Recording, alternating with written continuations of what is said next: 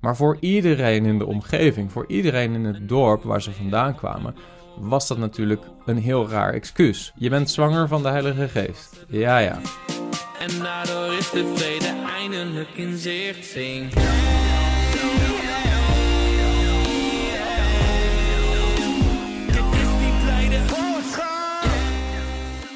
Waar denk jij aan als je denkt aan kerst? Ehm, voor veel mensen is kerst iets moois. Ze denken aan versierde kerstbomen, aan cadeautjes, aan sneeuw, aan lekker eten en gezelligheid met familie. Voor andere mensen is de kerstperiode een hele moeilijke periode. Een periode waarbij ze geconfronteerd worden met gebrokenheid in relaties of met eenzaamheid.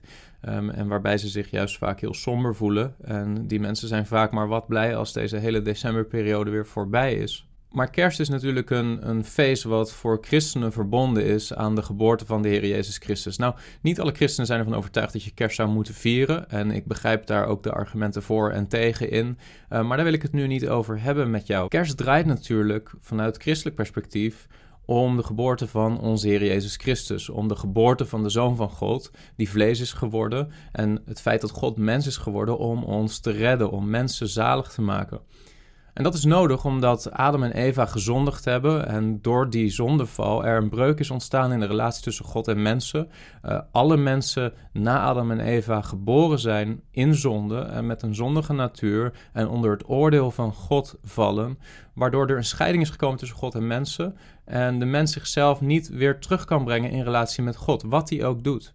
Om die reden heeft eh, God de Vader zijn zoon gezonden eh, om vlees te worden, om mensen te worden zoals wij, om ons te redden. Dan zou je denken dat wanneer de zoon geboren wordt, dat dat iets moois is, dat dat iets fantastisch is. Uh, want het is uiteindelijk Gods grote reddingsoperatie. Maar wat veel mensen niet beseffen en wat veel christenen ook niet beseffen, is dat kerst oorspronkelijk iets heel moeilijks was. Veel mensen weten nog wel dat de Heer Jezus niet geboren is in een ziekenhuisbed of in een hotel, maar dat hij geboren is uh, in een stal in Bethlehem. Uh, een plek die oorspronkelijk bedoeld is voor dieren, niet voor mensen. En dat hij als kind ook niet in een babybedje is gelegd, maar dat hij in een voederbak is gelegd. Maar er is een nog veel schandaliger element, een veel schaamtevoller element rondom kerst. En zelfs veel christenen zijn zich daar niet altijd van bewust. En daar wil ik vandaag met je naar kijken. Ik wil met je kijken naar de schaamte van kerst. En vervolgens wil ik de vraag stellen aan jou.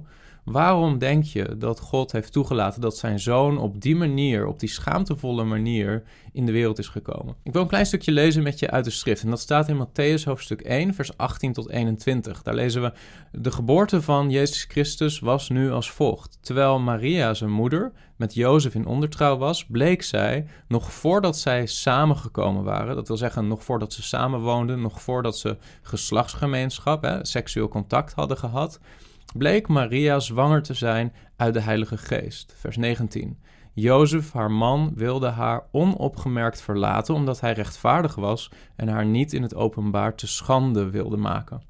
Terwijl hij deze dingen overwoog, zie, een engel van de Heere verscheen hem in een droom en zei: Jozef, zoon van David, wees niet bevreesd Maria, uw vrouw, bij u te nemen, want wat in haar ontvangen is, is uit de Heilige Geest. En ze zal een zoon baren en u zult hem de naam Jezus geven, want hij zal zijn volk zalig maken van hun zonden. Ik wil vooral met je nadenken over waarom Jozef Maria wilde verlaten toen hij ontdekte dat Maria zwanger was in hun verlovingsperiode. En om dat te begrijpen moet je iets weten van hoe in die tijd de Joodse huwelijkssluiting voltrokken werd. Dat werd voorafgegaan door een verlovingsperiode en die verlovingsperiode noemden ze kiddushin. Uh, dat woord betekent verloving en eigenlijk letterlijk heiliging of apartzetting. De Kiddushin was een periode van ongeveer een jaar, waarbij eigenlijk al een soort officieel verbond bestond tussen de man en de vrouw. Het was niet een vrijblijvend iets. Als je een verlovingsperiode inging, dan was je eigenlijk al in zekere zin verbonden als man en vrouw. Maar je woonde nog niet bij elkaar, je leefde nog niet bij elkaar, je had ook nog geen seksueel contact met elkaar.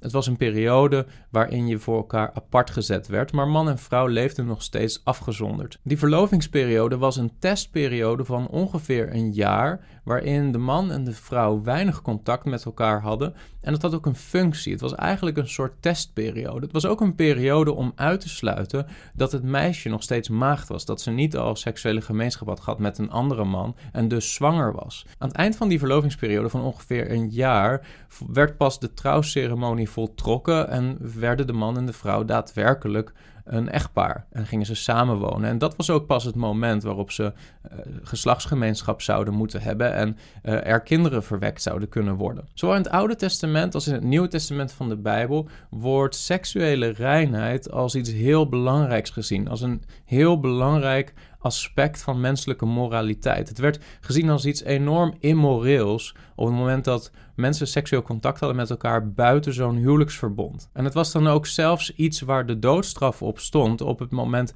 dat een meisje zwanger bleek te zijn van een andere man, terwijl ze verloofd was met haar eigen man. Nu was het dus zo dat Jozef en Maria nog in die periode zaten van Kiddushin, in die verlovingsperiode. En dan plots ontdekt Jozef dat Maria zwanger is. Nou waren er geen zwangerschapstests in die tijd, dus het moest ook best wel duidelijk zijn al dat ze zwanger was.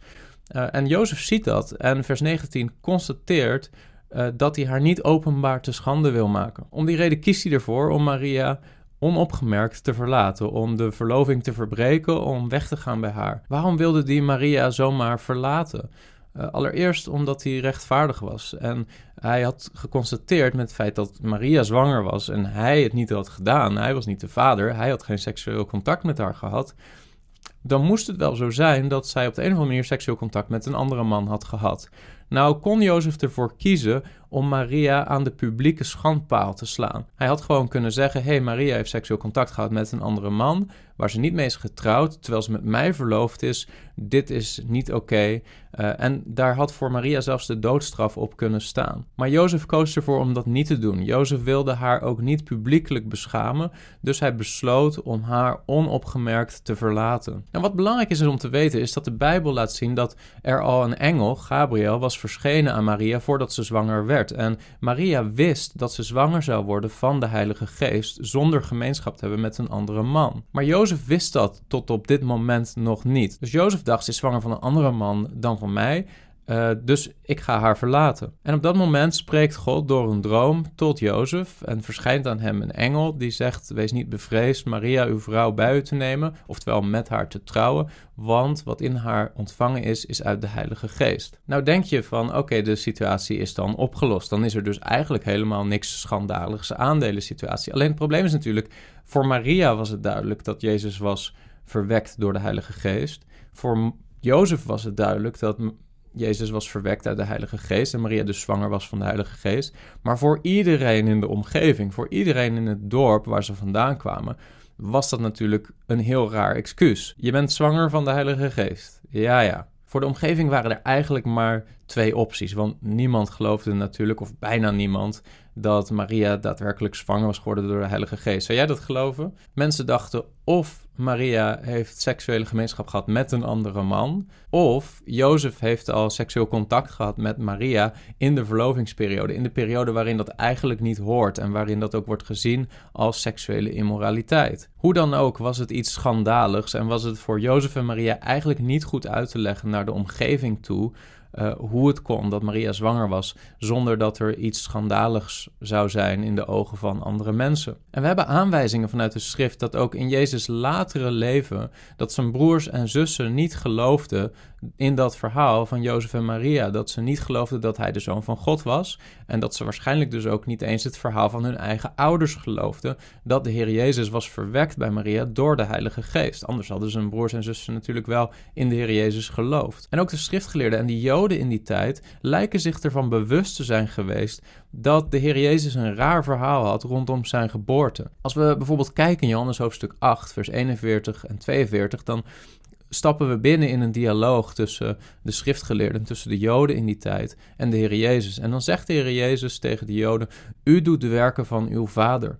Ze zeiden dan tegen hem: Wij zijn niet geboren uit hoererij. Wij hebben één vader, namelijk God. Jezus dan zei tegen hen: Als God uw vader was, zou u mij lief hebben, want ik ben van God uitgegaan en gekomen. Want ik ben ook niet uit mezelf gekomen, maar hij heeft mij gezonden. Dus de Joden zeggen tegen de Heer Jezus: Wij zijn niet geboren uit hoererij. En daarmee lijken ze een beetje sarcastisch eigenlijk tegen de Heer Jezus te zeggen: Wij zijn niet geboren uit immoraliteit, uit hoererij, zoals jij. En een paar versen verder krijgen we opnieuw zo'n aanwijzing, namelijk in vers 48 van Johannes 8. Daar staat: De Joden dan antwoorden en zeiden tegen hem: Zeggen wij niet terecht dat u een Samaritaan bent?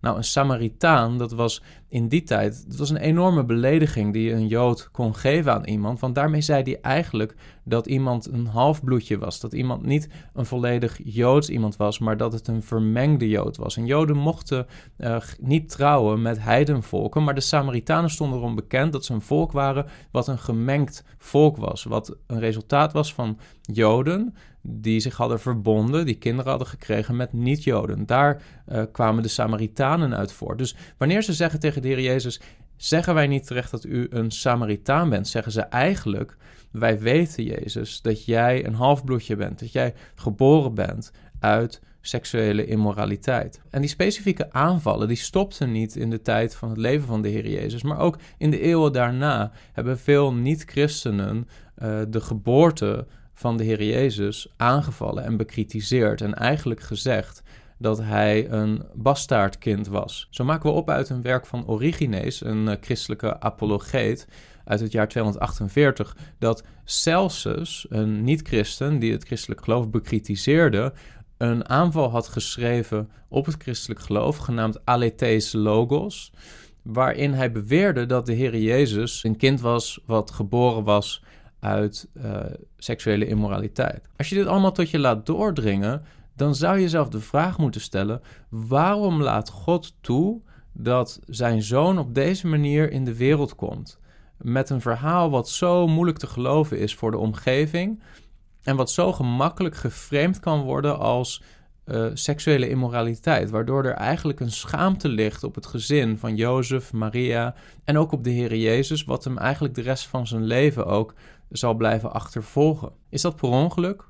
Of heeft God er bewust voor gekozen om die spanning in de manier waarop Jezus geboren werd neer te leggen? En ik geloof dat laatste. Ik geloof dat het op deze manier is gebeurd omdat God niet bang is om zich te identificeren met zondaren. Zondaren zoals jij en ik. Vanaf de geboorte van de Heer Jezus tot aan het kruis draagt de Heer Jezus de schande van de zonde die jij en ik verdienen. Dat is een thema wat als een rode draad loopt door het leven en door de bediening van de Heer Jezus. Waarom liet de Heer Jezus zich dopen door Johannes de Doper? Eh, iedereen wist dat de doop van Johannes de Doper een doop van bekering was. En dat je laten dopen door Johannes uh, een, een, een beleidenis was, dat je een zondaar was. Velen werden ook gedoopt onder beleidenis van hun zonde.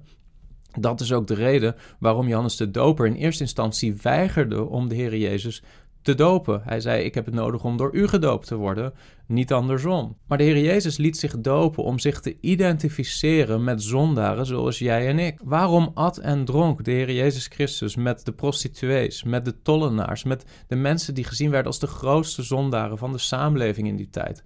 Simpel, omdat hij zich wil identificeren met zondaren zoals jij en ik. Waarom sterft de Heer Jezus aan het eind van zijn bediening op aarde aan een kruis tussen twee criminelen?